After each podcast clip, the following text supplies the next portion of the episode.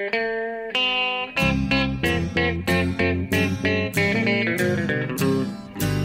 out there, we're on the air. It's hockey night tonight. Tension grows, the whistle blows, and the puck goes down the ice. The goalie jumps and the players bump, and the fans all go insane. Someone roars, Bobby scores at the good old hockey game. Oh, the good old hockey game is the best game you can name. Hallå, hallå, hallå, hallå, hallå, hallå, hallå, hallå, hallå, hallå. Yes, hallå och välkomna till NHL-podcasten igen. Som nu eh, fortsätter säsongen. Vi brakade igång förra veckan eh, med vår första del i NHL Season Preview. Så Ja. nu pratar jag en massa dum engelska. och eh, nu eh, säsongen närmar sig med stormsteg och vi fortsätter. Och vi, det är Jonathan Bambi Ekeliv som vi hörde där i Stockholm. Eh, och mig, mig Per Bjurman i New York. Eh, och här är vårt 342 avsnitt. Ja, precis. Och det andra avsnittet den här säsongen alltså. Och eh, ja, vi har mycket att prata om den här veckan också. Vi kommer komma in på Pacific Division. Och där spelar Seattle Kraken och faktum är att Bjurup upp sen senaste avsnittet vi spelade in eh, Atlantic. Det är den kusten du befinner dig på nu. Men det var ju borta i Pacific ja, nu i veckan som gick. Ja, precis. Dagen efter vi spelade in eh, säsongspremiären här så, så flög jag över kontinenten och eh, eh var i, eh, vistades i Seattle eh, i ja, tre, fyra dagar var det. Och eh, Ja. det gjorde jag då för att vi, vi håller på med NHL-bibeln som kommer ut eh, runt säsongstarten. Ja. Och det är väldigt intensivt eh, och det är otroligt mycket att göra för oss båda två. Det, man är alldeles yr i huvudet nu, det är mycket som ska skrivas och så. Men det var ju en stor upplevelse att komma till Seattle. Jag har, eh, till att börja med har jag inte varit där sedan 1994, var senast jag var i Seattle. Då var jag där på turnéreportage, eller inspelningsreportage med det eminenta rockbandet The Nomads för tidningen Pop som jag jobbade åt då. Ja, just det. Det har hunnit hända Sen- lite däremellan. Ja, eh, och sen... Eh, sen dess har jag alltså inte varit där, men nu eh, kom tillbaka så det var kul att få... eh, Det är bara kul att få liksom uppleva en ny NHL-stad. Eh, det är... Eh, man, det blir lite att man återkommer till samma ställen hela tiden i det här yrket. Så det var väldigt kul att vara där. Och det var... Eh, jag- kom ju precis som träningscampen där började då, ute i Seattle Community Iceplex. En otroligt fin anläggning de har byggt. Eh, Ja. och eh, var med på, på första träningen där och det var ju fullsatt och enorm feber kring. Eh, det var Jonas Donskoj och Mark Giordano var de första två ut på isen på första träningspasset någonsin. Ja. Och så fort de satte skridskoskenorna i isen så bra var det liksom ett, en standing ovation och det stampades och skreks. Oj, oj, oj. Ja. Ja, och eh, vad heter han? John Forslund, eh, som ju ska bli deras play-by-play-kommentator var där och, eh, och, och refererade träningen. Är det liksom i sant? mikrofon. Jaha, så ja. pass till och med. Ja, inte hela tiden, men, men lite grann. Och, och, och de hypade om... De redan har sålt mer tröjor än vad Vegas gjorde vid samma tid och sånt. Det är, det är riktigt eh, hett där, för det, det är det faktiskt. Alltså man förstod att det skulle vara det och du verkar onekligen ha upplevt det i verkligheten nu. Men jag kommer ihåg redan i samband med att det skulle liksom klargöras om de överhuvudtaget skulle få ett lag så fick de ju samma krav på sig som Vegas hade. Och det var ju att sälja 10 000 villkorslösa, tror jag, eh, säsongskort på förhand. Liksom att köp Ja, säsongskort nu, sen får vi se om det blir något lag överhuvudtaget. Men vi vill se hur intresset är. Och jag tror att Vegas var ett halvår eller kanske bara tre månader de fick på sig att lyckas med det. Om de klarade det med någon vecka kvar så hade de sålt de där 10 000 säsongskorten. Eh, och Seattle fick samma krav på sig. Det tog tre minuter. Ja, ja men det, man känner det också att det, är- det är en, en viss skillnad mot, mot Vegas. Det, när, när Golden Knights dök upp där så var det deras första proffslag överhuvudtaget i Vegas. De har aldrig haft något eh, lag överhuvudtaget längre. Här i Seattle är en, redan en väldigt inarbetad sportstad. De har passionerat förhållande till alla sina lag där. Ja. Men det är också en hockeystad. för De har haft liksom hockey på college-nivå och, och i eh, minor League-nivå. Och de älskar hockey och har bara gått och väntat på att få det. Det har varit en lång, lång väntan och extas nu när det sker, märker man. Det är den stora skillnaden. Ja. Ja, jag är lite avundsjuk på det faktiskt som eh, redan fått åka dit och känna på tempen. För den verkar onekligen vara högt uppskruvad alltså. Ja, och sen var det ju kul med svenskarna där som jag har hängt en del med. Och att forwardstjärnorna där, eh, Järnkrok, Wennberg och, och Johansson omedelbart bildade en kedja och som ju då direkt blev, fick namnet Swedish House Mafia. Ja, du ser. Eh, av, av lokal media och det spred sig på, eh, på Twitter direkt. Jag kanske var lite inblandad i, i detta eftersom jag känner Ryan Clark som är stjärnskribenten där. Ja, men ja. men det, det satt direkt, de är Swedish House Mafia. Ja, ja, precis. Det verkar ju onekligen som att det är en tilltänkt producerande kedja för dem. Ja, absolut. Absolut. Ja, sen var jag en sväng i St. Louis också. Eh, det blev lite där med för Bibeln eh, och plus en Rolling Stones-konsert. Men nu är jag tillbaka hemma i New York alltså och eh, exalterad här med för idag. Det här är ju tisdag vi spelar in här, du och jag. Ja. Och ikväll, gör jag live-debut också. Jag ska på första, min första träningsmatch för säsongen. På Garden, Rangers Boston. Ja, ja, det är ju coolt. Och innan, egentligen borde jag kommentera det, men jag vill bara att du i förbifarten, det låter som en riktig sån här Per Bjurman-grej. bara, Ah, så var jag på en Rolling Stones-konsert i St. Louis däremellan. Sen eh, var jag ska nu på NHL, liksom, eh, debut för den här säsongen, försäsongspremiär. Ja. Eh, Ja, det händer mycket i, i, i Biffens liv just nu. Det är eh, intensivt. In, inget snack om saken. Ja, men eh, det förstår jag att du är peppad på det, så du ska få se. Visst, du, du fick onekligen hockeyfeberkänsla redan i Seattle, men nu ska du få gå, vi får väl ändå kalla det ditt vardagsrum. Eh, Ja. och, och kolla på, på hockey, på typ Nils Lundqvist som vi är spänd på. Ja, verkligen. Verkligen. Och ja, bara komma dit, det, det är ju vi...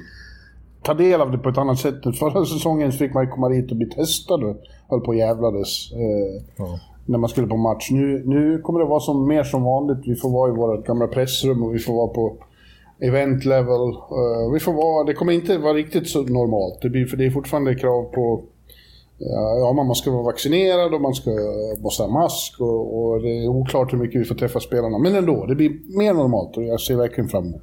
Just det, och det verkar som att Rangers är en av klubbarna som ska vara lite öppnare i alla fall jämfört med till exempel Islanders. Där det fortfarande Ja. ska vara rätt stängt.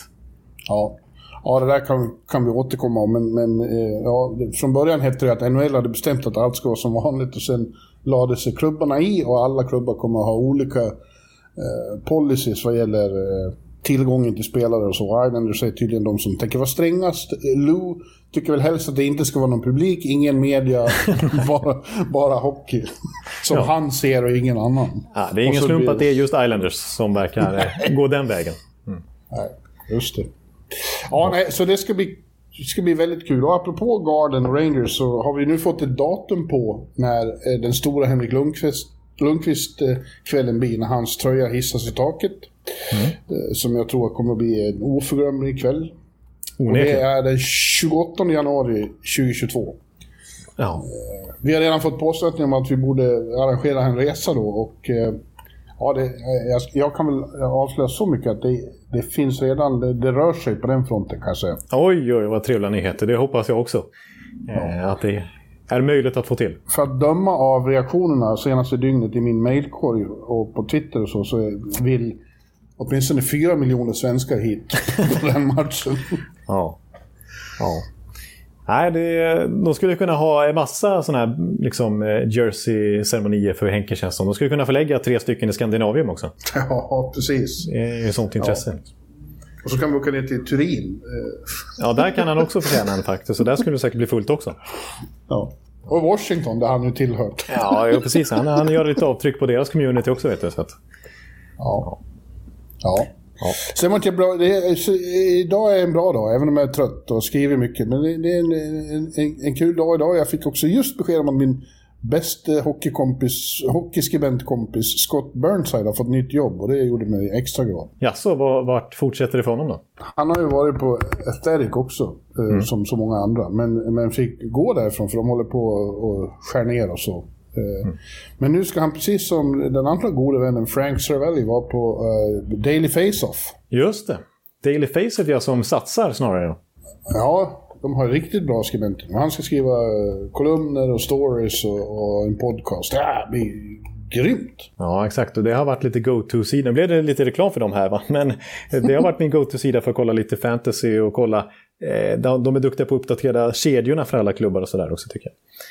Ja, att, mm. ja och det är sl slutligen den lilla knorren när du nämnde fantasy också. Idag har vi bestämt ett datum för när vi har vår draft med Sportbladet. Eh, och, eh, ja, fast vi fick ju ett tråkigt besked där också. Jarko, vår vän, tror att han ska dra sig ur. Men eh, det, nu, nu, nu, nu ska vi ha lite propaganda här i, i podcasten. Jarko, du ska inte dra dig ur. Du måste vara med i draften i år. Annars är det, det är skandal annars. ja, det är faktiskt skandal alltså.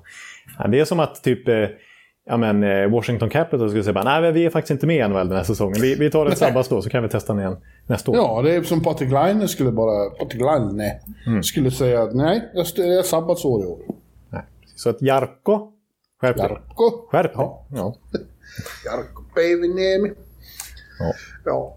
Ja, men du, eh, Ekan. Vi avhandlade ju förra veckan det här, de här avsnitten innan, eh, eller Ja, avsnitten innan eh, säsongspremiären ja. eh, är ju en preview där vi går igenom division för division, analyserar lagen och, och tippar hur det ska gå. Och vi började ju då förra veckan med Atlantic i, i, i östra konferensen.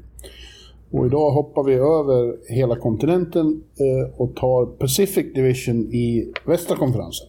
Just det, precis. Det är väl eh, lite pikt av oss för en gångs skull att inte bara köra Atlantic Metropolitan och sen liksom favorisera öst. Utan hoppa lite. Det är, för att vara NHL-podden så är det här ganska nytänkande. ja, vi är väldigt djärva och vågade. Ja.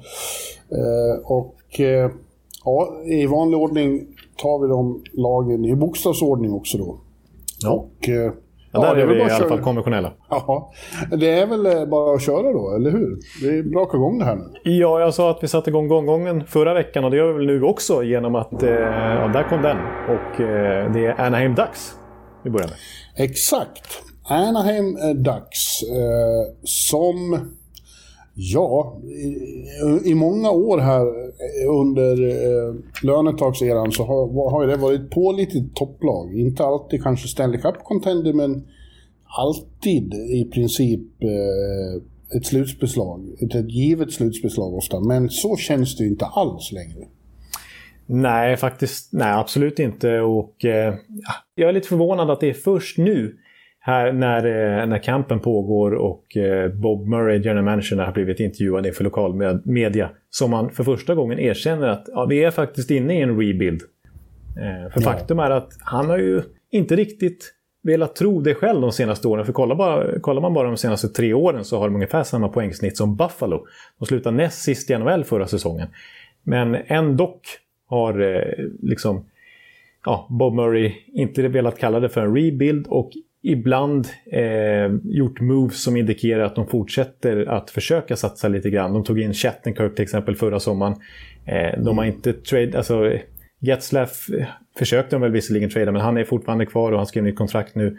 Eh, men, ja, men eh, Hampus Lindholm är kvar, Rickard Rakell som det var snack om skulle bli tradad är kvar, Jakob Silverberg fick ett nytt kontrakt här om året. Så att den här riktiga rebuild-känslan har det inte varit. Men nu säger Bob Murray att nej, alla moves vi gör nu kommande tiden kommer att ha en framtidsstämpel på sig. Inte någonting som ska förbättra laget den här säsongen.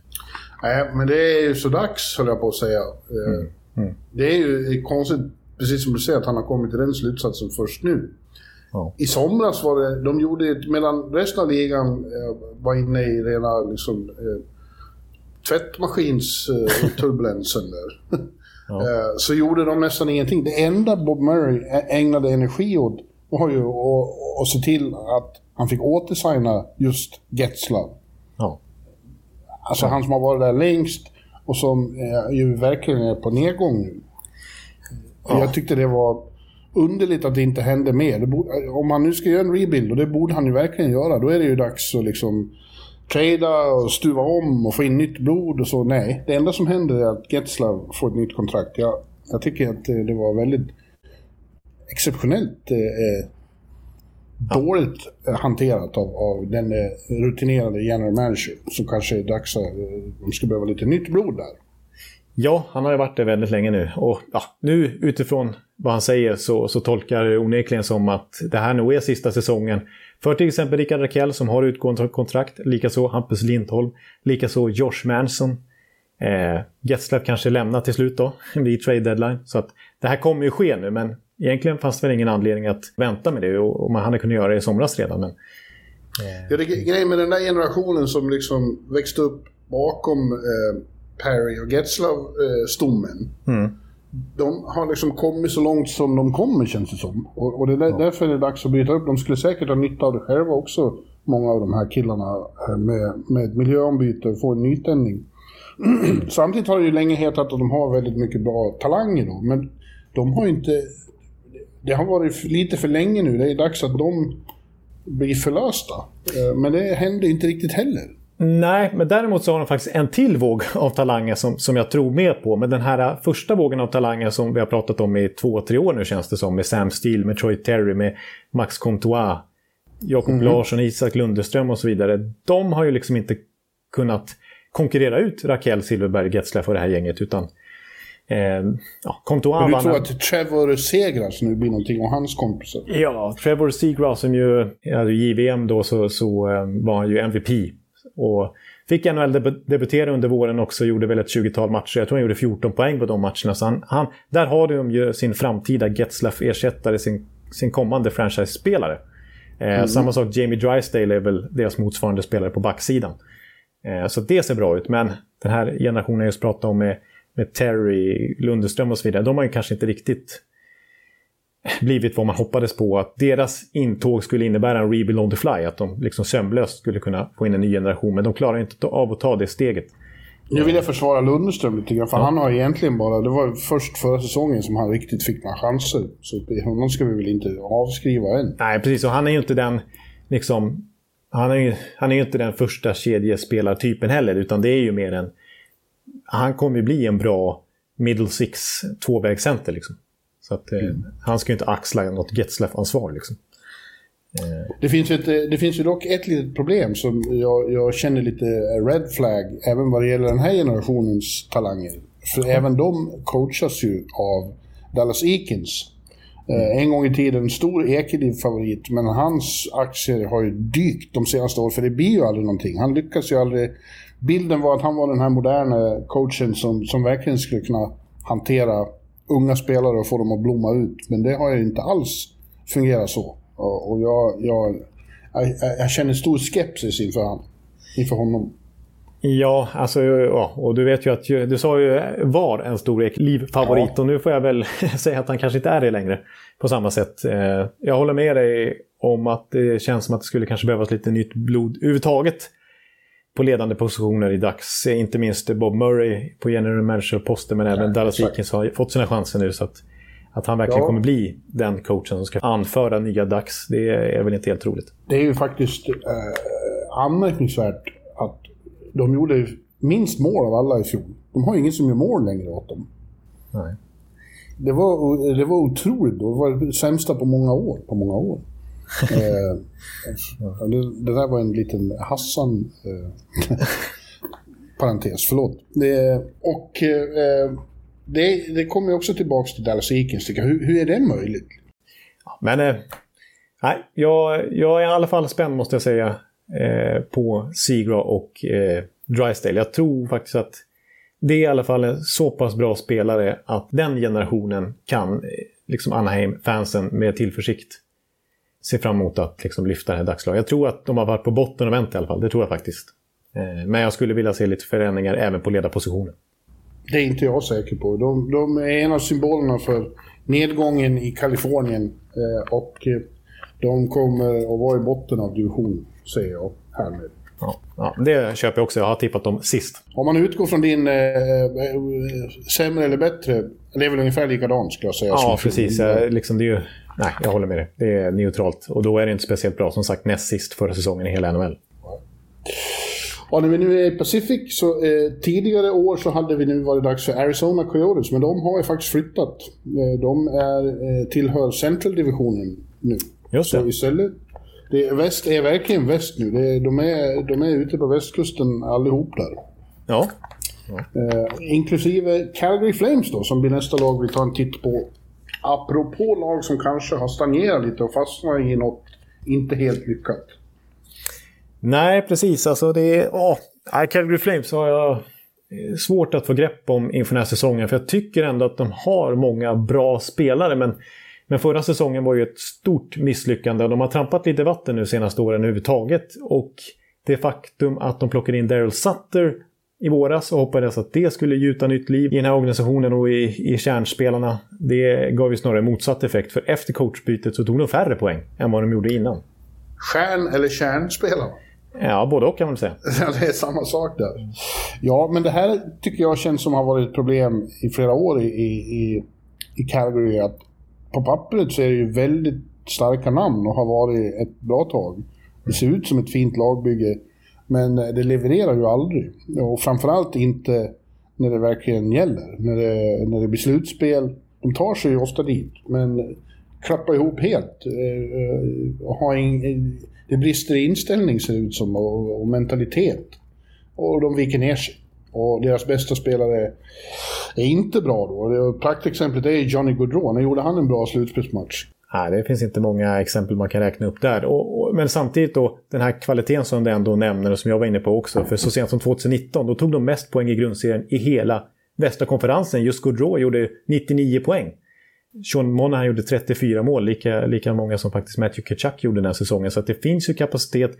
Men den är bräcklig, den här kärnan, när det väl hettar till som du säger. Eh, vilket ju är konstigt när man spelar i Calgary Flames. Ja, ja. Det var ju faktiskt snack om att till exempel Johnny Gaudreau skulle bli tradad här i somras eh, innan hans no trade-klausul kickar in. Han har bara ett år kvar på kontraktet så vi får se vart hans framtid fortsätter någonstans eh, framöver. Men det, det, ja, det känns som att man inte riktigt vet vart de är på väg och jag tror inte de själva vet det heller faktiskt.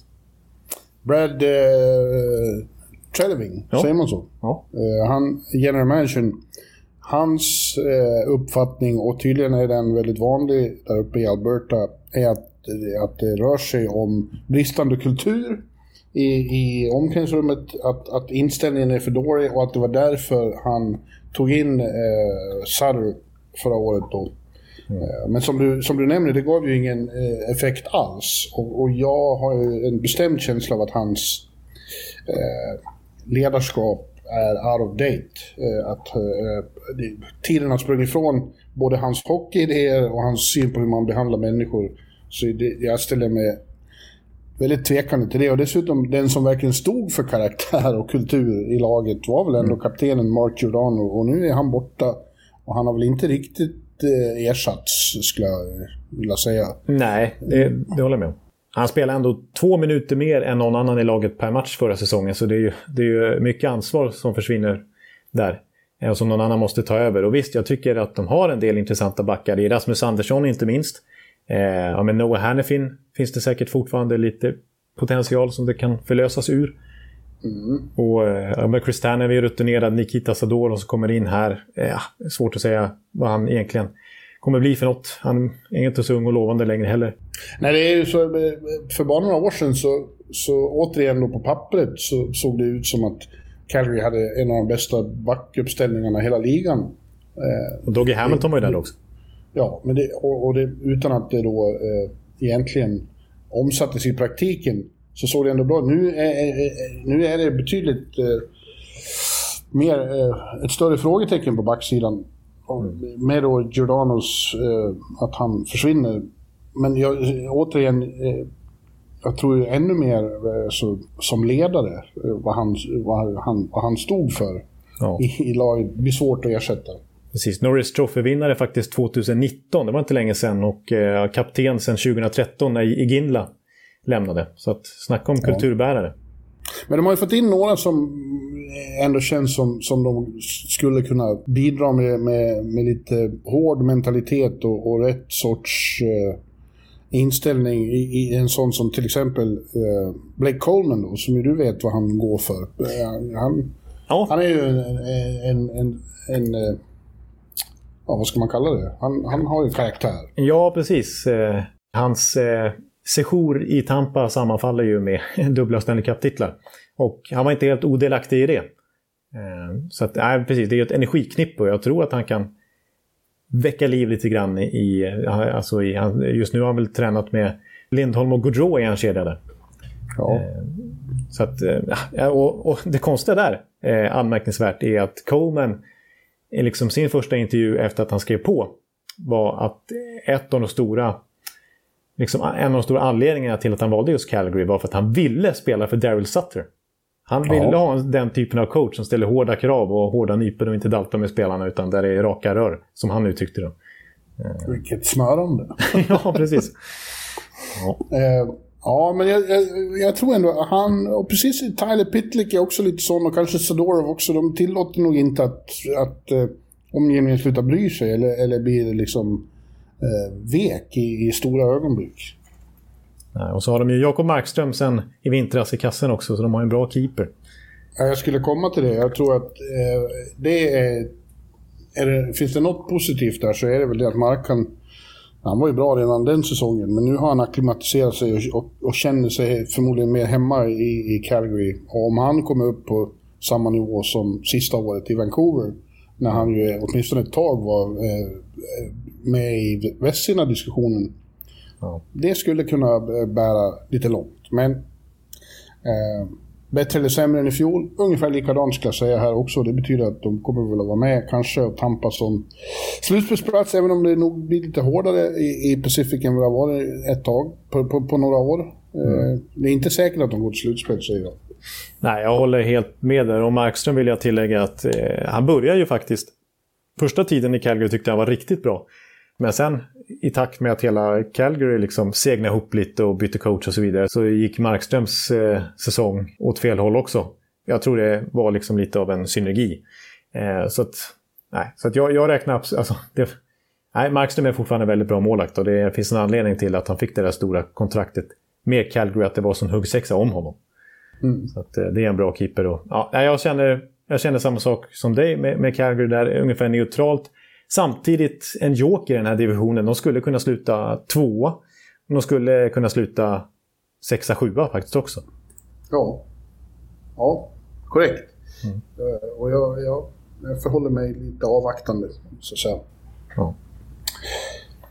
Deras grannar i Alberta kommer vi till nu. Det är då Edmonton Oilers och där är eh, ju eh, frågan alltid densamma. Har, har de lyckats eh, bygga något riktigt bra kring de två drakarna, superstjärnorna. Conor ja. McDavid och Leon Draisaitl.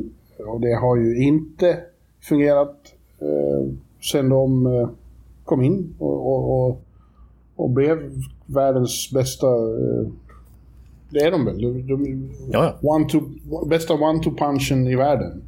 Ja, Men, eh, absolut. Mm. Och det är fantastiskt att se och det är underbart på alla sätt och vis. Men det räcker inte för att resten av laget inte håller tillräckligt hög klass. Så har det varit i flera år. Frågan, eh, ändras det i år? Jonathan Ekeliv? Nej, jag måste säga att jag förhåller mig fortsatt tveksam till det alltså. Mm. ja, det är ju till exempel en evig fråga är ju målvaktsposten där borta. Och eh, nu vill jag försvara Mike Smith som gjorde en bra säsong i fjol. Hade fina siffror där. Sen, precis som i Edmonton, så höll han ju inte klassen i slutspelet sen. Där det blev 0-4 mot Winnipeg i första rundan efter en fin grundserie. Men det är alltså han som är fortsatt första målvakt Trots att han ville 40 bast nu den här säsongen så fick han ett nytt tvåårskontrakt. Och det är fortfarande Mikko Koskinen som är backup och det är fortfarande frågetecken där. Ja, ja det, det är ju inte... där har ju Ken Holland... Eh, det är ett av hans stora misslyckanden att han aldrig lyckas eh, knyta till sig en, en ny högklassig målvakt. Utan får fortsätta för lite. Så det är, Mark Smith blir ju inte yngre, han heller. Nej. Han är 75 nu. Och det börjar, det börjar synas. Ja. Sen, sen backsidan. Där, där måste jag säga att Darnell Nurse eh, börjar mer och mer se ut som en riktigt Alltså en, som en riktig första back och, och fick ju eh, kontrakt. Han fått kontrakt därefter. Ja, verkligen. Och det tyckte jag var konstigt också av Kent Holland. Visst, Eh, skulle hans värde kunna fortsätta öka den här säsongen? Han är ju aktuell för till exempel den eh, kanadensiska OS-truppen också. Men eh, 9,25 miljoner dollar. Jag kan förstå om man hade skrivit på ett kontrakt nu kring 7-8 miljoner dollar för att man är rädd för att hans värde skulle öka. Men nu skrev man ju ett kontrakt som indikerar som är högre än vad hans värde är just nu. Alltså om, om ni hängde med på den ekvationen. Jag, ja, ja, ja. jag, jag förstår inte riktigt hur Holland tänkte där att binda upp så mycket pengar på, på Nurse i det här läget. Eh, och, och Duncan Keith kom ju in och det hade ju varit ett, ett kap för 6-7 år sedan. Men han befinner sig också i, i karriärens solnedgång. Mm. och eh, ja, han är liksom... hans närvaro betyder säkert en del eh, rent psykologiskt, men... men eh, nej, han har inte varit jättebra de senaste åren med Chicago. Nej, precis. Och då tycker jag... Jag hade ju hellre... Alltså, jag tycker att Adam Larsson 2021 jag hellre ha i mitt lag än Duncan Keith 38. Eh, och, och, eh, Adam Larsson skriver på för 4 miljoner dollar i Seattle, lämnar Edmonton medan Duncan Keith kommer in här med ytterligare ett år kvar på kontraktet för 5,5 miljoner dollar. Och jag tror jag var inne lite på det här i våran sommarpodd där. Att Edmonton och Chicago, likheten mellan dem förra säsongen var att ja, de släppte till väldigt mycket kontringar. Och Chicago, där var ju Duncan Keith fortfarande första back. Nu kommer han till Edmonton och ska hjälpa att stötta till samma sårbarhet som Chicago hade, vilket han verkligen inte lyckades med. Han var lite av ett rundningsmärke i kontringsspelet. Och Edmonton har haft samma problem, liksom, så att han är ju just den spelartypen. är ju inte vad de behöver. Okay. Offensivt eh, i försöken att, att eh, ge eh, Connor och Leon eh, sidekicks som fungerar sätts ju framförallt hoppet då till Zach Hyman från Toronto. Han hade lite samma roll där med, med Austin Matthews och uh, Mitch Marner och var väl eh, helt habil i den rollen. Uh, de lyckades inte behålla honom fast de nog hade velat det. Mm. Samtidigt så känner jag att han har blivit ganska övervärderad. Kontraktet är väldigt stort. Så stor skillnad gör han inte, hävdar jag. Ja, jag har inte riktigt bestämt mig för vad jag tycker om det kontraktet. Det är lite för långt framförallt. Eh, Hymans liksom, spelstil, det är lite så här, ja men David Backes, Andrew Ladd, Milan Lucic-varning på honom. Att om två, tre år så har hans kropp gjort sitt i NHL nästan. Alltså han kommer inte kunna mm. vara lika effektiv längre. För det här är ju en av... Jag vill säga att han är en av NHLs bästa forecheckare. Inte på det viset att han liksom åker runt och jättetacklas hela tiden och, och sådär. Men, men eh, extremt effektiv i sargdueller och på att återvinna pucken och grämma fram den till bättre lagkamrater. Han gör ju nästan sina kedjor bättre bara än en spelare. Så det finns en anledning till att både Tavares och, Matthews gärna hade honom i sin kant. Eh, men, mm, men ja, jag tycker fortfarande att han är lite övervärderad. Jag tycker att, att, att eh, det blir lätt eh, lite för mycket hype när man är i Toronto just på den marknaden och får det strålkastarskenet på sig att oj, titta vad han, han är bäst i den här rollen. Nja. Ja, det är klart. Eh, man blir, det, det stämmer ju att man får ju ännu mer uppmärksamhet när man har det mediala trycket kring sig. Eh, ja, nej, nej, så att sammantaget här utifrån vad vi säger så är man väl inte så jätteimponerad av vad Edmonton har gjort efter att de eh, rök ur slutspelet med dunder och brak här i Ja, Nej, man tycker att det borde göras mer här också. De har också fått in sådana som Cody Ceesay och Derek Ryan och Warren Fogel är, de är väl okej, okay, men det, det, är inte heller några som gör någon skillnad egentligen. Nej. Eh, de är dugliga i, i, i sina... I, i, I de fack de tillhör, men eh, nej. Det, man får ju stark känsla av att det kommer att bli som vanligt, att uh, det blir show uh, mm. av Connor och Neon Leon. Och det räcker ju till uh, väldigt bra slutspelsframträdande. De kommer gå till slutspel. Men det är ingenting alls talar för att det kommer att gå något bättre där. När allting tajtas till, då, då, då Ja, vi såg ju nu. Vi såg ju som sagt mot, mot Winnipeg där, vilket fiasko. Precis, och Winnipeg som i nästa runda inte visade sig vara något omöjligt motstånd precis. Eh, själva 0-4 matcher sen mot Montreal. Så att, eh, nej, det känns lite bräckligt alltjämt i Edmonton. Och, och egentligen när man har två av världens bästa spelare, den här generationens bästa spelare, den här generationens bästa spelare till och med, eh, i Conor McDavid, då, då, är liksom, då är slutspel inte bara minimikravet. Jag skulle säga att minimikravet är att vinna ett par slutspelsrundor egentligen. Det här skulle ju vara en contender eh, med de förutsättningarna, men det, det ja, känns det definitivt. inte så. Det är ju sorgligt alltså. Conor McDavid, det, det, han har ju varit sju säsonger nu i NHL. Och har inte varit i närheten av riktigt stora matcher. Stanley Cup-feber. Det är ju sorgligt alltså. Han är ju på väg in i sin prime nu. Det här får eh, det här måste ändras på något vis, annars är det en bortslösad superkarriär. Ja, och apropå på det liksom var, var Ken Holland, vilket ju blev väldigt uppmärksammat ja, i våras, när, när de inte agerade speciellt mycket vid trade deadline där och Ken Holland sa att äh, det här är inte året för oss. Han sitter bara på Conor McDavid som gör 100 poäng trots att det är en 56 matcher säsong. Ni har enorma förutsättningar. Men, ja. Men eh, nej, kan hålla vill vänta. Ja du, nu har vi varit väldigt eh, gnälliga och negativa hela den här eh, avsnittet. Mm. Så nu gläder det mig att kunna säga betydligt mer positiva saker om Los Angeles Kings. Som ju ja. har varit på dekis några år, eh, riktigt ordentligt. Men till skillnad från de övriga Kalifornienlagen är på väg mot något riktigt intressant. De rör sig verkligen åt rätt håll där i La La Land. Ja, precis. Eh, där tycker jag däremot att deras general manager har gjort eh, bra värvningar, flera bra värvningar den här sommaren. Var ju faktiskt först ut kan man väl säga med att träda till sig Viktor Arvidsson. För det var ju fortfarande ja. när slutspelet pågick som man liksom öppnade silly season kan man säga. Och eh, det var också ett statement då liksom att man offrade draftval för att ta in Viktor Arvidsson. Annars har, ju, har det ju varit en rebuild där man har snarare tagit in så många draftval man kan. Eh, så nu är det ju en... Eh, liksom, pendeln har svängt. Ja, och är det några som har råd att eh, offra trade, höga eh, draftpicks så är det Kings. För de har ju en ypperlig eh, talangpool där. Och många i den talangpoolen står, känns det som, i begrepp att eh, kliva ut som fullfjädrade NHL-spelare nu. De, de har, de har ju puttrat och kokat skyldigt eh, i något år där nu. Och nu är flera av dem redo tror jag. Och det är ju också därför då förmodligen Rob Blake känner att det är dags att satsa. Viktor är som du säger hackspetten från Kusmark. Utmärkt eh, eh, trade som kommer in med sin enorma energi och omedelbart har placerat sin kedja med, med Kopitar och Dustin Brown. Det, det, det, det den, eh, man, man ryckte till när man såg det och tänkte ja vilken, vilken jävla powerkedja. Eh, och det kommer att blixtra om det. Men eh, inte nog med det. Han har ju också då eh, lyckats knyta till sig Philippe Danot från Montreal. Som är Patrice Bergeron light. Ja. Eh, en av de bästa eh, tvåvägs eh, defensivt riktigt starka centrarna i ligan. Mm. Eh, och så Alex Edler då också kommer in. Vilket gör att Drew Dowdy får lite avlastning i rollen som pappa och till, till övrigt ganska ungt ung backbesättning. Eh, det är alltid lite vanskligt när, när för många backar är för unga och gröna.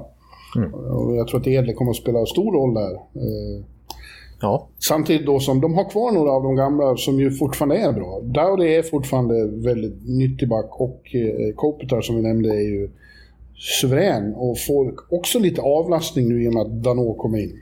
Precis, jag tror det kan frigöra Kopitar som är lite bortglömd att han fortfarande är en väldigt bra spelare. Visst, han har inte varit med och hotat om att vinna poängligan på ett par år. Men han gjorde faktiskt 50 i fjol. Det var 14, 16 med till och med än någon annan i laget. Eh, och en ny lekkamrat till Viktor Arvidsson. Jag menar, där känns det som att det finns väldigt eh, gott hopp om kemi med oh. Viktor Arvidsson som i en ny miljö. Jag menar, nu har han haft lite skadeproblem senaste åren men verkar vara liksom tillbaka i, i fullt slag nu. Och innan skadan, säsongen 18-19, då hade han alltså högst målsnitt sett till speltid i hela NHL. Bättre än till exempel Alexander Ovechkin. Eh, och nu när han får serveras Kopitar-passningar eh, kan det blixtra till. Och Kopitar som avlastas i sin han har haft en väldigt tydlig defensiv roll också i, i Kings. Han har fått ta, ta alla roller, men nu när Danot kommer in så kommer Kopitar kunna få mycket mer offensiva minuter.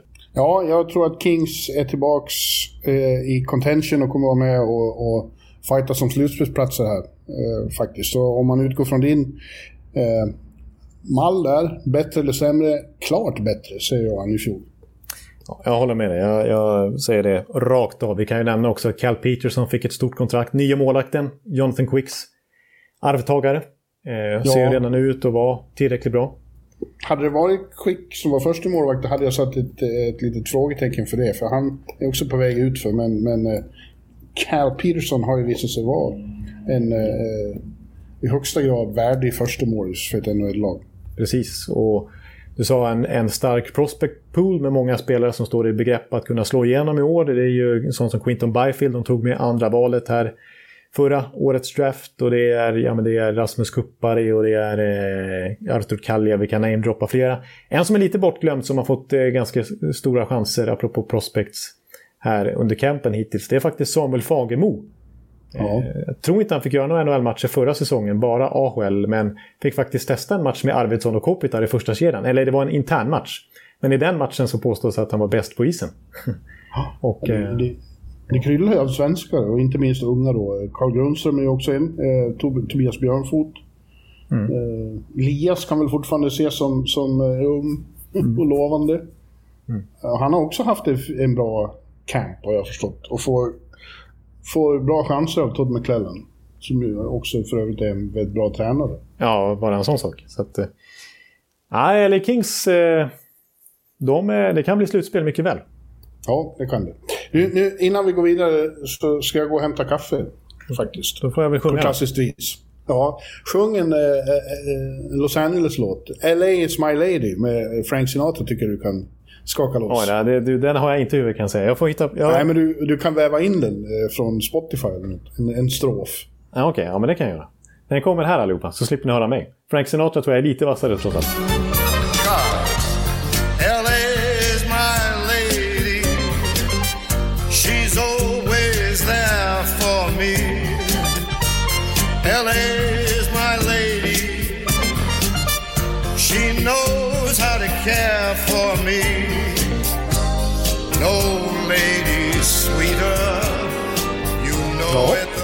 Ja, där fick ni höra LA is my lady med Frank Sinatra och inte med Mårten Ekeliv som tur var.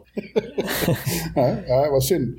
Ja, vi fortsätter med Kalifornien-lag. Vi har ett kvar. Just det. Eh, och det är problembarnet San Jose Sharks. Eh, det känns ju också som de är verkligen...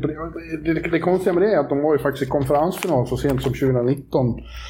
Ändå är, är uh, bilden nu att oj vad det inte går bra för, för, för San Jose Sharks. Nej, absolut. Och apropå problembarn så får man väl sätta den stämpeln på Evander Kane som snor mycket rubriker här på eh, campen de här, de här veckorna. Eh, avstängd och nu är det nya utredningar mot honom. Han blir ju friad för att ha spelat på sina egna matcher. Eh, nu är det två utredningar. En om att han ska ha brutit mot covid-protokollet. Och en om ytterligare anklagelser mot hans exfru. Från hans exfru? Ja, från hans exfru. Ja, precis. Ja, de befinner sig ju uppenbarligen i en väldigt nasty eh, skilsmässa. Han har riktat anklagelser mot henne också om, om att han har blivit misshandlad av henne. Ja. Uh, det, det, det, det, känns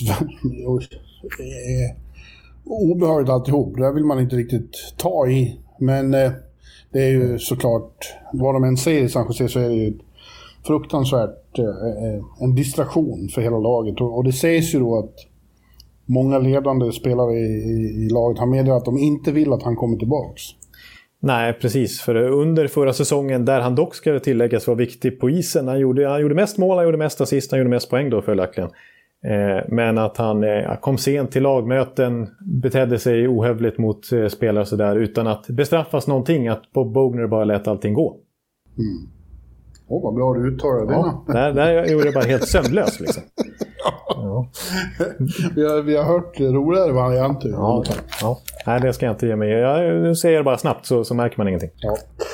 Ja, nej, och det där är ju ett stort problem. Men han är inte enda problemet eh, i Sharks. De har ju underpresterat får man säga. Eh, och framförallt är ju då ledande spelare de sista säsongerna har eh, inte levt upp till eh, förväntningarna.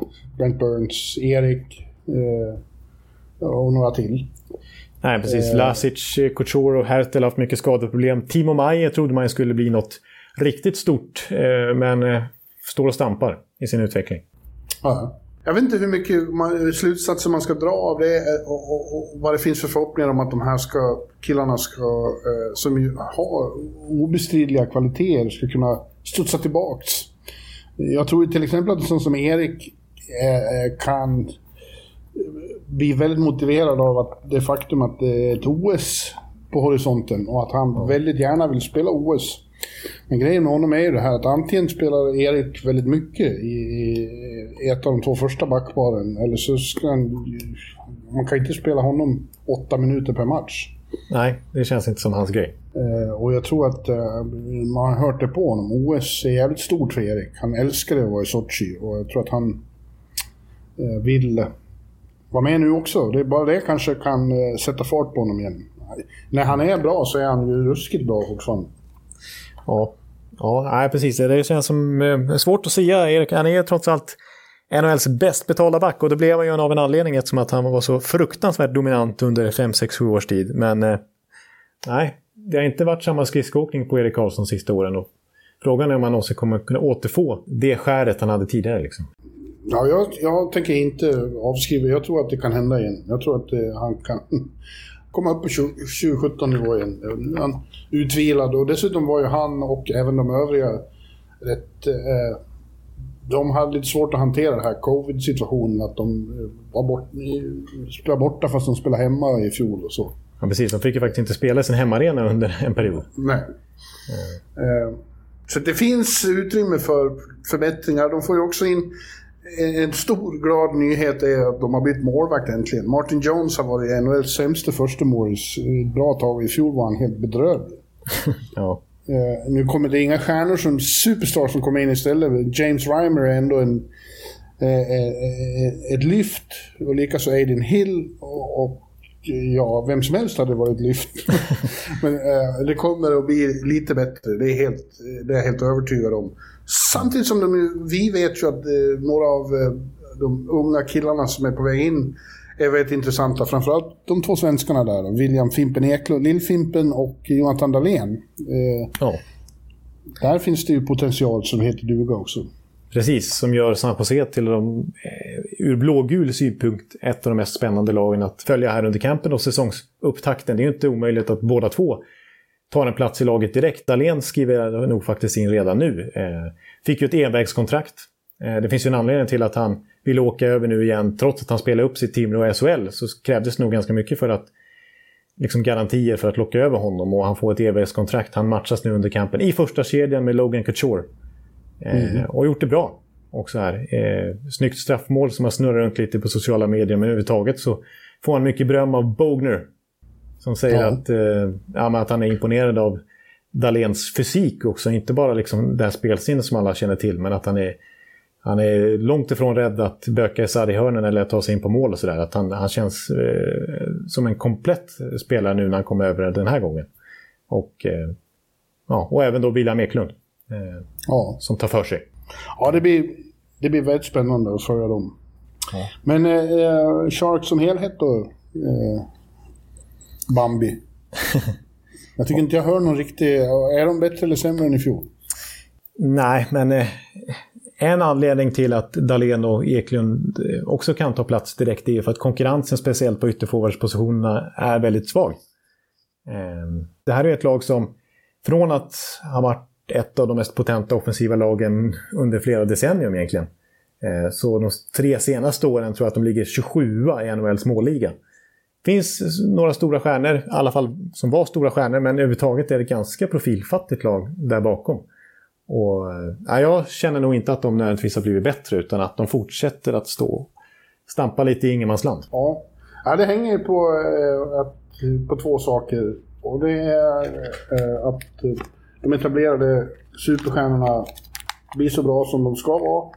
Och att eh, de här eh, nytillskotten, de unga nytillskotten eh, bifaktorer på en gång. Mm. Mm. Då kan det bli bra, men min bild är att eh, de får svårt. Det är ändå hård konkurrens nu eh, i den här divisionen också, även om den kanske känns som den svagaste. Ja, det håller jag med om. Och, och, ganska många lag när vi har gått igenom nu som innehåller en hel del frågetecken. Men, men San Jose av de lag vi har gått igenom hittills tycker jag innehåller flest frågetecken. Så att därför så Nej, Anaheim Ducks förresten. Eh, men, men eh, jag tycker San Jose och Anaheim känns som eh, de två bottenlagen faktiskt. Ja. Med, med marginal för att överraska i, i San Joses fall, skulle jag nog säga. Ja, absolut. Ja, sen kommer vi då till det nya eh, 32 NHL-laget från Emerald City, högst upp i nordväst i USA. Seattle Kraken som jag får erkänna att jag faktiskt har fått lite känslor för efter min, efter min eh, eh session där uppe. Det är, väldigt, det är väldigt inspirerande att överhuvudtaget vara på träningscamper, eh, Jonathan. För, alltså? mm. ja, för det är alla lag, för alla lag är det ju liksom en, en blank slate då. Eh, det, finns, det finns ingen tabell ännu, det finns inga eh, svackor och, och så all, alla börjar på noll och, och, det är positivt och optimistiskt precis överallt. Ja. Eh, alla tror att nu kommer det att gå bra. Ja, precis. Jo, det är sant. Så är säkert även tongångarna i många andra... Det här är ett helt nytt lag, men även i, i, Edmonton och i Calgary och Anaheim och så vidare. När, när ja. faktiskt alla andra står på noll poäng också. Eh, ja, men eh, grejen med Seattle Kraken är ju att jag tror ganska mycket på de här redan första säsongen. Ja, eh, det är ju så att är, om man jämför med Vegas då när de kom in 2017-2018 då trodde man att det skulle bli bara pannkaka. Det kändes som ett hopkrafs av, av överblivna komponenter.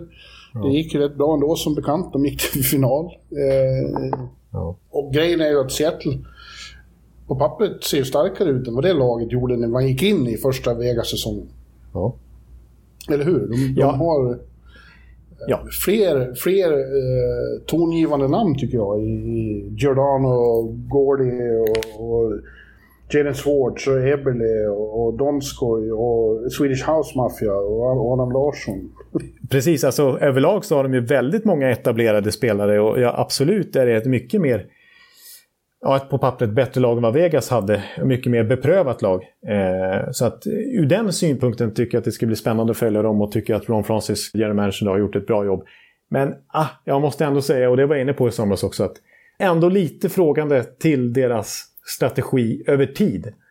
Eh, för att Ja, man nu faktiskt... är det inte över tid. Vi ska, prata, vi ska prata om hur det går den här säsongen. Nej, precis. För man har ändå mm. bundit upp många spelare på ganska långa kontrakt. Och de är ju så 27-28, vissa upp mot 30 år. Om några år, ja men då är hela den där kärnan, som man faktiskt får kalla det, eh, över 30. Och de har inte byggt upp någon prospect pool överhuvudtaget. Alltså, de gjorde bara sju draftval den här sommaren jämfört med Vegas som gjorde 12, varav tre första runda val sin första sommar. Så att, eh, jag tycker man hade kunnat agera annorlunda Eh, och ändå vara slagkraftiga den här första säsongen. Men, men Ron Francis eh, verkar titta väldigt mycket på att vara bra just i år och det tror jag att Seattle kommer vara. Jag menar inte att de är en contender, men jag håller dem faktiskt som tvåa i den här divisionen när jag tippar. Oj, oj. Det var... Jag, jag tror ju att de är med och slåss om en slutspelsplats, men det är ju så svårt att veta. Det, komponenterna är en sak, nu ska, nu ska det smälta ihop till ett lag också. Och eh, som de har påpekat när jag pratar med dem, det, det intressanta, det spännande och kittlande är att eh, de får bygga upp det här från grunden tillsammans. Eh, svenskarna som jag pratat med påpekar, det är en sak när man kommer till ett, ett lag som redan finns, då finns det redan en satt hierarki och en struktur. Nu mm. finns det ingenting, alla kommer in på, från noll och, och ska bygga upp det tillsammans. Eh, det är svårt men det är spännande. Eh, vi får se hur, hur de klarar att bygga ett lag av det här. Eh, också mm. intressant för att Marcus Johansson pratade mycket om att i, Vegas så var ju de pratade mycket om att de var eh, misfits, att de, att de odlade en vi mot världen-attityd som var väldigt eh, nyttig för dem. Ja. Men de, de, har ingen riktig sån bild i Seattle att uh, den här gången var expansionsdraft, i och med att den här generationen spelare var igenom det en gång och att det gick så bra för Vegas, så är det mindre känsla av att man har blivit åsidosatt eller betraktad som inte liksom, tillräckligt bra spelare. Utan det här är ett, uh, en stor grej att få vara med om. Ja, precis. De... Det är snarare lite coolt än jobbigt ja. att hamna i Seattle. Ja, det... Ja, det har blivit en helt annan eh, syn på vad, vad, ett expansionslag är efter Vegas eh, enorma säsong. Ja. Men eh, när du säger gruppdynamiken där och att det är svårt att veta om de kommer liksom smälta ihop eh, helt och, och, hierarki och så vidare, hur de kommer bygga upp den och så här. Men alltså en tydlig grej med spelarna som Ron Francis har valt där tycker jag att det, det är väldigt solida hockeyspelare som liksom är pålitliga åt båda hållen. Liksom. Ju, du hittar ju inte en enda diva tycker jag nästan i det här laget. Det, det var inte så att de chansade på att ta in en eh, Vladimir Tarasenko till exempel som de hade Nej. kunnat gjort. Eller en eh, Jakub Vorasek som kanske är lite sådär lynnig. Eller en Jonathan Drouin som de hade chansen att ta. Utan nej, det är så här Jaden Schwartz, det är Janni Gård, det är Alexander Wennberg väldigt bra. Även i boxplay. Eh, men så här, Jonas Donskoj, eh, Jared McCann. Du vet ju vad du mm. får. Eh, ja. Åt båda hållen. Och, och, så att jag tror att alltså, över, liksom, i liksom, eh, tunga matcher i december, januari, februari. Då kommer de här bara mala på. Och då mm. tror jag att de kan klara sig ganska bra i den här divisionen mot San Jose, Bohemerna där borta och Edmonton, liksom, när, när, när Conor McDavid och Leon Draisaitl inte har sina bästa kvällar. Eller mot, mot Calgary när, när de är trötta på Daryl Sutter där borta. Jag tror att Seattle kommer liksom vara ett väldigt jämnt lag. Kanske inte den högsta, högsta nivån precis. Men ta många poäng på grund av att de har ett väldigt brett lag då får man säga. Alltså de, är, de är ju de har ju liksom tre plus-spelare ända ner i, i, i fjärde kedjan med en sån som Brandon Tanev till exempel. Eh. Carson Susie liksom i, i tredje backpar. Det är habilt bygge. Ja, och bra målvakter har de i, i Grubauer och Dreger. Mm, absolut. Eh, Vegas hade ju en målvakt när de gick in och det var ju Flurry. Här känns det som... Eh, ja, de har två likvärdiga starka målvakter. Precis, alltså Dreger var ju egentligen tänkt som första keeper. Mm. I och med att de tog Vanesek av Washington så, så tyder det på att eh, det var de att de inte räknade med att de skulle få in Grobauer, men så öppnade sig den möjligheten. Och, och den här Grobar Dreger, det är ett av ligans absolut starkaste målvaktspar. Ja, ja, absolut. En brasklapp vill jag slänga in här, eller två brasklappar vill jag slänga in. Den ena är ju Dave Hackstall som är coach. Oväntat coachval. Hans eh, CV från Philadelphia imponerar ju inte. Eh, han misslyckades kapitalt där och varit gravt avskydd av eh, eh Flyers-fansen. Ja. Eh, men Francis ser väl något där då. Han vet mer om det här än vad jag gör. Vi får se. Eh, och sen är det också att de får en lite tuff eh, start på säsongen i och med att den fantastiska hemmaarenan Climate Pledge Arena som är ja. en ombyggd Alltså det är en gammal hall som till och med är kulturminnesmärkt för att den är så speciell från 60-talet. Men den har byggts om helt. Den är nedgrävd i backen, de har bara lyft på taket som är en, en, en, nästan som en glaspyramid. Ja. Med utsikt rakt över, över Space Needle. Ja. Eh, och så har de byggt om ner, och de är inte riktigt klara än, så de får ju inleda med en lång roadtrip. Eh, ja. de, de, börjar i Vegas och åker sen till Nashville och så fortsätter de med, med flera matcher här ute på, på östkusten innan de kommer hem och har hemmapremiär inför sina eh, vilda fans. Det vill till att det startar bra med den här roadtrippen, annars kan det bli, får de en tung start så det blir det inget kul. Nej, det har du visserligen rätt i och det... Ja, jag tycker båda dubierna du har där eh, är rimliga. Dels eh, eh, vill det till att de får, får till en bra start med ganska tuffa förutsättningar och Dave Hackstall är väl ingen favorit hos mig heller. Han övertygade inte under sin tid i Philadelphia. Samtidigt ska vi komma ihåg att eh, liksom alla coacher blir ju till slut föraktade av Flyers-fansen och kan lyckas bra i andra miljöer sen. Till exempel Craig Berube som gick och vann Stanley Cup med St. Louis. Ja, precis. Inte... Han, var, han var i princip lika avskydd i Philadelphia. Exakt, så vi ska väl inte räkna bort Dave Hackstall helt. Nej. Eh, ja, så att, eh, nej, men jag, jag tror ganska mycket som sagt på det här Seattle-laget. Att, eh, det är så pass jämnt lagbygge att de kommer vara jobbiga att möta över en 82-matchsäsong. Yes. Mm. Ja. Deras främsta rival blir förmodligen Vancouver Canucks då. Det är bara tre timmar från Seattle till Vancouver. Eh, och eh, tre och en halv med bil. Och en väldigt kort flygresa. De kommer att bli... Eh, det kommer att bli derbyn mellan de två. Ja. Eh, och eh, ja, Canucks trodde jag väldigt mycket på inför förra säsongen. Jag tyckte att de eh, eh, blev ett riktigt bra lag till slut där i bubblan i Edmonton. Då, då kom de in i, i en ny dimension. Men det är ju ganska vanligt att, att unga lag som får en sån plötslig framgång sen tar ett steg tillbaks för att det är omedvetet äh, äh, kommer in en, äh, lite för mycket trygghet att det kommer gå av sig själv och det gör det aldrig. En sophomore slump kan man väl säga? Ja, det var en sophomore slump för det nya Vancouver. Det var det verkligen. Eh, det fanns ju, men de, de, de eh, fick ju klara sig utan väldigt viktiga spelare på grund av skador också, framförallt då Elias. Nu är ju problemet att vare sig Elias Pettersson eller Quinn Hughes har kontrakten och vi vet inte vad som kommer att hända, men det måste de ju lösa innan, innan säsongen startar. Ja, precis. Alltså, Elias Pettersson eh, bytte agentur då till samma som Quinn Hughes. Och nu sitter båda då på CAA med Pat Brisson och eh, JP Barry. Det är väl de två största agenterna hockeyvärlden har. Eh, mm. Som har de största, alla de största spelarna i princip. Eh, så att, eh, och de kommer ju, jag menar de är vana förhandlare och, och eh, kräver mycket för sina spelare. Så att de har ingen panik här. Jag tror snarare att det är Vancouver som kommer få vika sig till slut. För att de klarar sig inte utan Quinn Hughes och Elias Pettersson när den här säsongen börjar. Då kommer de halka efter i den här divisionen. Ja. Eh, så att eh, det kommer nog lösa sig. Men jag tror snarare som sagt att det är Vancouver som, som har panik än eh, CAA. Ja. Men gör de det, och vi utgår från att de gör det, då tror jag mycket på eh, Vancouver i år istället. Vi fick sig en, en nyttig lektion förra året att det inte går av sig själv. Eh, och nu måste eh, nu, nu kommer de att, att, samla sig till mer ja, fokuserade insatser.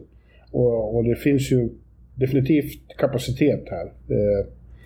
Eh, mm. Intressant är ju att de får in, från, framförallt från Arizona, då kommer Oliver och Conor Garland. Mm. Mm. och jag tror att ja, Oliver har, har, haft mindre lyckade säsonger på slutet, men jag tror att det här eh, miljöombytet kan vara extremt nyttigt för honom. Att han kan komma tillbaks till eh, OEL-klass igen. Ja, precis. Alltså, jag tror lyssnarna är nog trötta på att höra mig rabbla upp eh, Wales mindre smickrande statistik senaste åren och eh, tjatet om hans kontrakt naturligtvis, vilket ju... Alltså det är sex år kvar på drygt 8 miljoner dollar per säsong, så det är ett högst riskabelt eh, avtal som Vancouver nu tar in här. Det kan bli jobbigt på sikt. Men jag hoppas ju och tror, eh, åtminstone på kort sikt här, att OEL eh, kommer vara en stor tillgång för dem. Att det här kan bli en nyttig nytändning för honom. Eh, och man ska absolut inte dra några slutsatser om försäsongsmatcher när det vissa åker runt på en skridsko. Och, eh, det är väldigt spretiga lag och sådär. Men Wales första matchen vid Vancouver där imponerar han tydligen stort då. Visar, det, det var den här gamla OEL-pondusen när han tar för sig över hela isen och liksom är den mest engagerade spelaren. Och den här skridskoåkningen han har och sådär. Liksom, han gjorde två assist dessutom. Alltså, då, då fick man...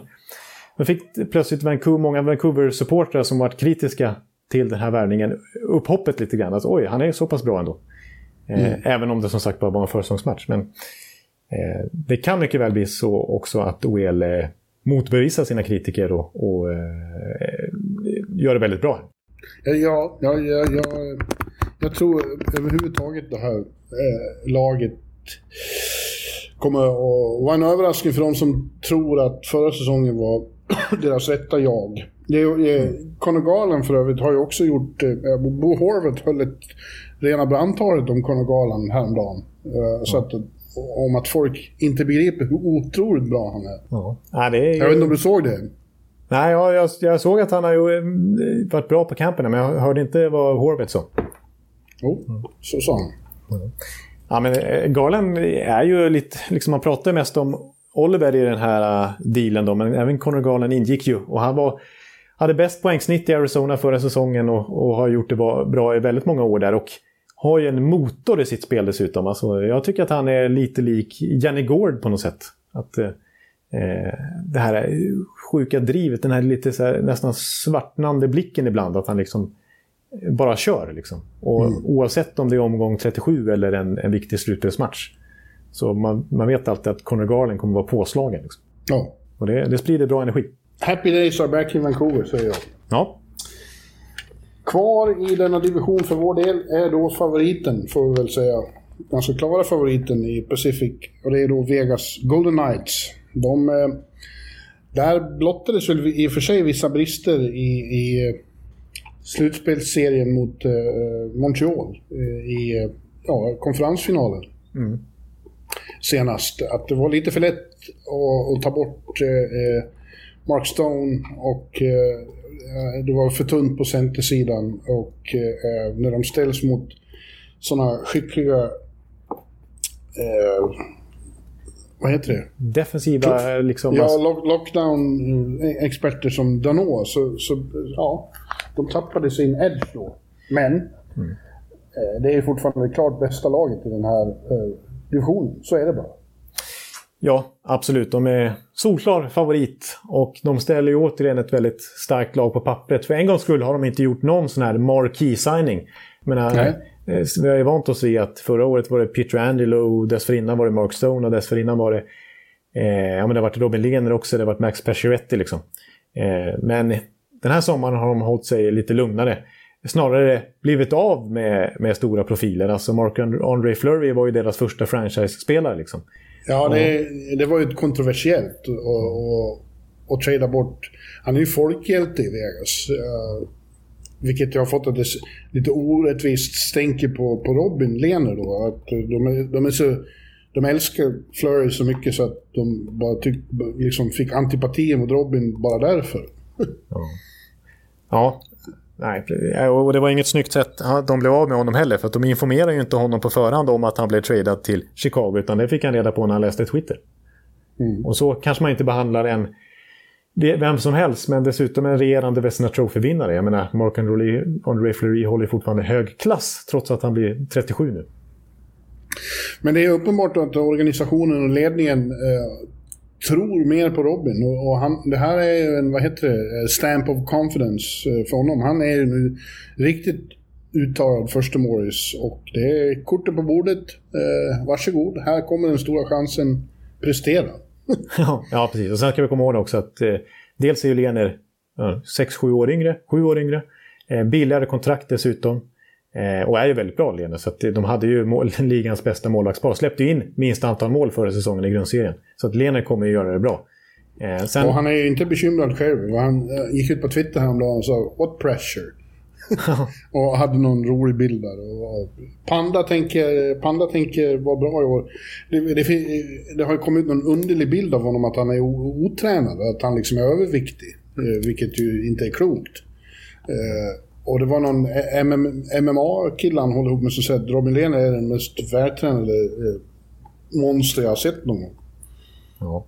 Ja, jag, alltså jag är inte ett dugg orolig för Vegas målvaktssida. Laurent Brossois som kommer in som ny backup är ju ingen Mark André Fleury, men det är en helt okej okay backup på NHL-nivå också. Och, och Lehner är en fullt kapabel första keeper att hålla handen. Så att det kommer bli bra. Och de var ju tvungna att, att liksom öppna löneutrymme för att ens ha råd att hålla ihop, alltså till exempel förlänga med Alec Martinez som de gjorde. Så att de, hade, de hade inte så mycket löneutrymme att laborera med utan de var ju tvungna att göra av, sig av med spelare för att hålla sig under lönetaket helt enkelt. Även Ryan Reeves, apropå profiler, har ju försvunnit. Ja, precis. Eh, ja, fast det, de kommer vinna divisionen. De, kommer att, att vara, de har fått sin näsbrännare i slutspelet nu och vet vad som krävs. De kommer att, att gå långt. De kommer att gå långt, Vegas. Ja, och jag vill säga att två av nyförvärven som de trots allt gjort tycker jag är lite sådär, det kan bli flopp, stora floppar, men det kan också bli lite spännande att följa en sån som Jevgenij Dadonov som ju inte lyckades speciellt bra i Ottawa förra säsongen, men dessförinnan gjorde tre raka 25 målsäsonger med Florida. Eh, och får spela med lite bättre omgivning nu igen. Eh, och Nolan Patrick då, som ju har varit mm. en stor besvikelse i Philadelphia, gick ju alltså Tvåa i draften 2017, före Miro Heiskanen, precis före Cale McCarr, precis före Elias Pettersson. Eh, och kommer nu till Kelly McCrimmons Vegas. Och det var ju alltså general managern där som ju var ägare, general manager och eh, tränare för eh, den juniorklubb som Nolan Patrick tillhörde innan han kom in i NHL. Så att eh, han hoppas, de har en god relation sedan tidigare och det är väl förhoppningen att, att Kelly McCrimmon ska få se Patrick förlösas i Vegas då istället. Yes. Vi eh, säger så. Vi säger så. och då nu ska vi bara tippa. Och säga hur, ja, tippa. Tippa. Jag kan gå först som vanligt. Ja, men kör du först. Ja, eh, ni hörde ju det jag sa. Eh, Vegas, Golden Knights, etta. Mm. Sen eh, kanske lite överraskande då, men jag har Vancouver tvåa. Eh, Fast det bygger helt och hållet på att Elias och Quinn Hughes kommer in, men det tror jag. Tre LA Kings, faktiskt. Ja. Kul. Fyra Edmonton. Eh, det, är kanske lite snålt. De kommer ju vara bra i grundserien nu också, men jag, jag, markerar för att jag tror att de får svårt i slutspelet igen. Så jag säger fyra. Femma Seattle Kraken. Sexa Calgary Flames. Sjua San Jose Sharks. Åtta Anaheim Ducks. Ja, men det var ett eh, roligt tips som känns eh, rimligt utifrån hur vi har resonerat här nu. Och det roliga är också att mitt tips skiljer sig ganska mycket. Vilket ju jag eh, ändå tolkar som att den här divisionen är svårtippad. Det är svårt mm. att veta vart många av de här lagen tar vägen. Ja, det är sant. Eh, så jag har satt då Vegas etta. Det är väl det mest givna. Sen som sagt då Seattle tvåa. Så Det är djärvt alltså. Ja, det är lite djärvt. Eh, Sen eh, sätter jag Edmonton då, som jag ändå tror kommer leverera i grundserien, trea. Eh, Vancouver fyra. Calgary femma och så LA så, så, så långt ner som sexa. Och det är jag lite besviken på mig själv över. Men, eh, ja, men det, det, det är också... Det, ska, det vill ändå till att eh, några av de här uh, unga spelarna faktiskt slår igenom i år. Ja, men det gör de. Det gör de. San Jose, sjua, Anaheim, åtta. Yes. Ja. ja, vi får se. Man ska komma ihåg när man tippar att det, det är alltid några som floppar och, och blir mycket sämre än man tror och några som överraskar. Men det går ju inte riktigt att förutse. Hur, ju. Nej, precis. Det, det, det händer ju mycket under säsongens gång också. Ja, dessutom det. Ja. Alltså bara en sån sak som eh, 2019 när vi hade St. Louis sist i januari och sen gick de och vann hela Stanley Cup. Så det kan ju hända mycket. När det ändå trots allt är 82 matcher de ska spela innan det är dags för slutspel. Ja, och sen är det mycket trader och skador och, vem vet vad, vad, vad har den har sin gång. Precis. Ja. Ja, det bästa att du sköter ordspråken istället för jag gör det. Så. Vi får se Ja. vad haren tar vägen. Ja, men det var väl det det. Nu eh, fortsätter vi grotta ner oss i NHL-biblar och eh, förhands och TV och allt eh, som ska hända innan vi brakar igång. Jag måste säga att jag längtar efter eh, eh, säsongstarten på riktigt nu, seriepremiären. Opening night, eh, så har allt det här bakom oss. Precis. Det är, det, är mycket för, det är mycket uppbyggnad för oss innan det börjar. Det är liksom inte bara... Ja, det, är- det, är- det är mycket som ska produceras. Ja, verkligen. Att, eh, och vi är mitt uppe i det nu så att eh, det ska faktiskt bli skönt att pucken släpps så att vi kan få titta på hockey och inte bara skriva om hockey. Fast då ska vi fortsätta skriva visserligen. Du kommer ju ha... Då sätter ju Ja, bloggen blir fart på- allvar. Fast det blir på ett annat sätt. ja. Eh, nästa vecka återkommer vi då med Metropolitan eh, ute i öst igen. Eh, en väldigt hård och svårtippad eh, division också. Det känns som det rör på sig på alla håll. Verkligen. Och det känns som att jag behöver en vecka på mig för att lista ut ett tips där. Ja. Så svårt Exakt. blir det där. ja, men då eh, tackar vi för nu då. Ja, men det gör vi. Och eh, tack för att ni har lyssnat på oss eh, även den här gången. Ett eh, rätt så långt avsnitt blev det. Eh, och vi hörs igen om en vecka. Då. Det gör vi. Hej då! Hej! Hallå, hallå, hallå. Hallå, hallå, hallå. Alex Chiazot, Joe Luis Arena och Esposito. Esposito. Uttalsproblem, men vi tjötar ändå. Och alla kan vara lugna, inspelningsknappen är på. Bjuder Hanna Kohl, han är grym i sin roll. Från Kållesoffan har han fullständig kontroll på det som händer och sker. Det blir ju allt fler som rattar in hans blogg. Och lyssna på hans podd. One, two, time, speed, so Hallå, hallå, hallå. One, two, time, speed, so Hallå, hallå, hallå. Ekeliv, som är ung och har driv. Verkar stor och stark och känns allmänt massiv. Han hejar på Tampa och älskar Hedman. Sjunger som Sinatra. Ja, och där ser man. Nu är det dags för refräng. Dags för magi, Victor Norén. Du är ett geni.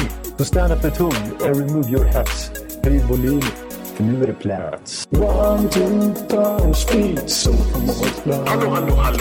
One, two, time, speed, so Hallå, hallå, hallå. One, two, time, speed, so Hallå, hallå, hallå. One, two, time, speed, so Hallå, hallå, hallå. Det är otroligt länge sedan båda samtidigt var så här bra. Hallå, hallå, hallå. Det är otroligt länge sedan båda samtidigt var så här bra.